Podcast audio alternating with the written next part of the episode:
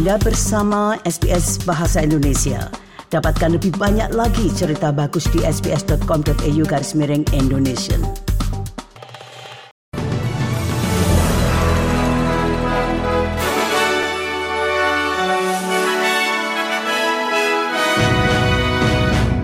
Berita terkini SBS Audio Program Bahasa Indonesia hari Minggu 24 September 2023.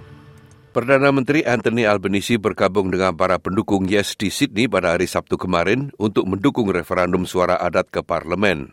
Ia yakin momentum akan terus tumbuh menjelang tiga minggu sebelum referendum dan menekankan pentingnya melakukan pembicaraan sebelum pemungutan suara. And something I get great heart from is the decision of Kamal. a very courageous decision.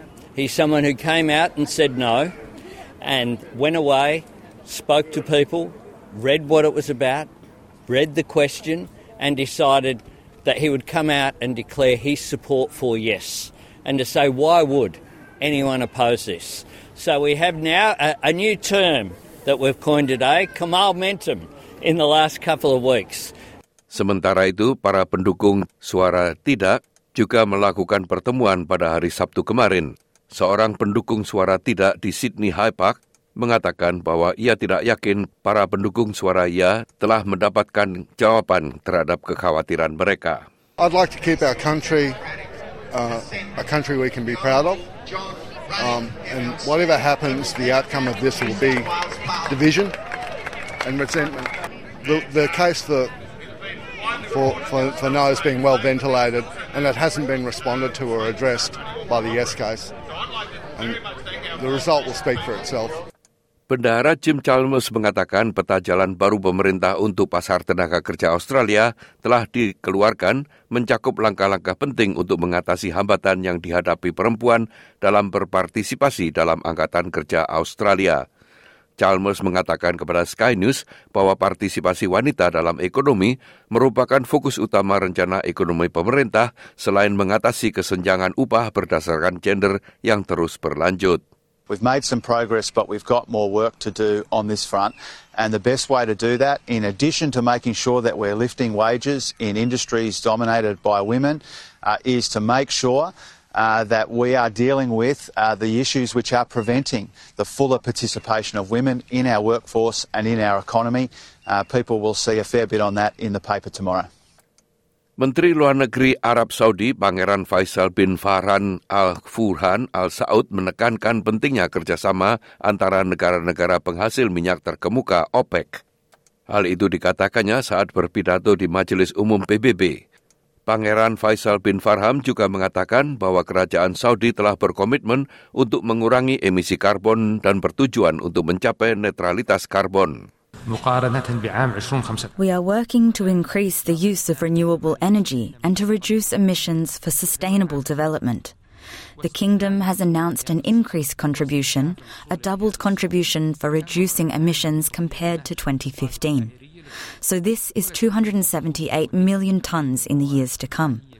And we want, we aim to achieve carbon neutrality as advocated by the circular economy approach. Para pemimpin dunia di Majelis Umum PBB memperingatkan tentang risiko kecerdasan buatan atau AI yang pada dasarnya dapat mengganggu asumsi mengenai kebijakan militer dan berpotensi menyebabkan eskalasi konflik militer. Wakil Perdana Menteri Inggris Oliver Dowden mengatakan AI adalah transformasi terbesar yang pernah terjadi di dunia.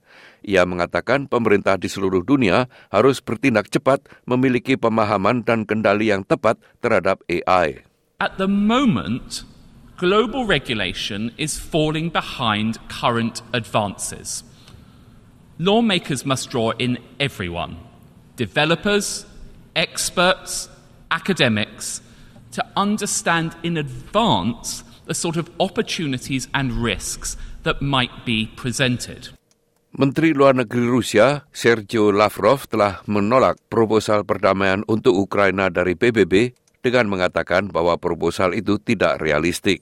Dalam pidatonya dalam pertemuan majelis PBB di New York, Lavrov mengatakan usulan terbaru PBB untuk menghidupkan kembali inisiatif biji-bijian di Laut Hitam tidak dapat dilaksanakan karena sampai saat ini ia belum melihat pelonggaran sanksi-sanksi terhadap Rusia yang dijanjikan setelah persetujuan inisiatif itu belum terlihat.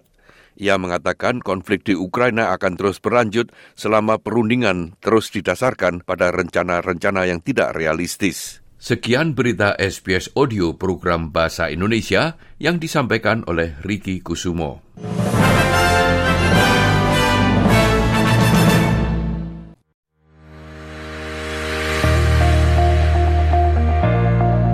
Anda masih mendengarkan siaran SBS Audio program Bahasa Indonesia. Jika Anda ingin menghubungi kami, silahkan menelpon kantor kami di Sydney pada nomor 02 9430 3135 atau kantor kami di Melbourne dengan nomor 03 9949 2208. Anda juga dapat menghubungi kami melalui email pada alamat indonesian.program at sbs.com.au.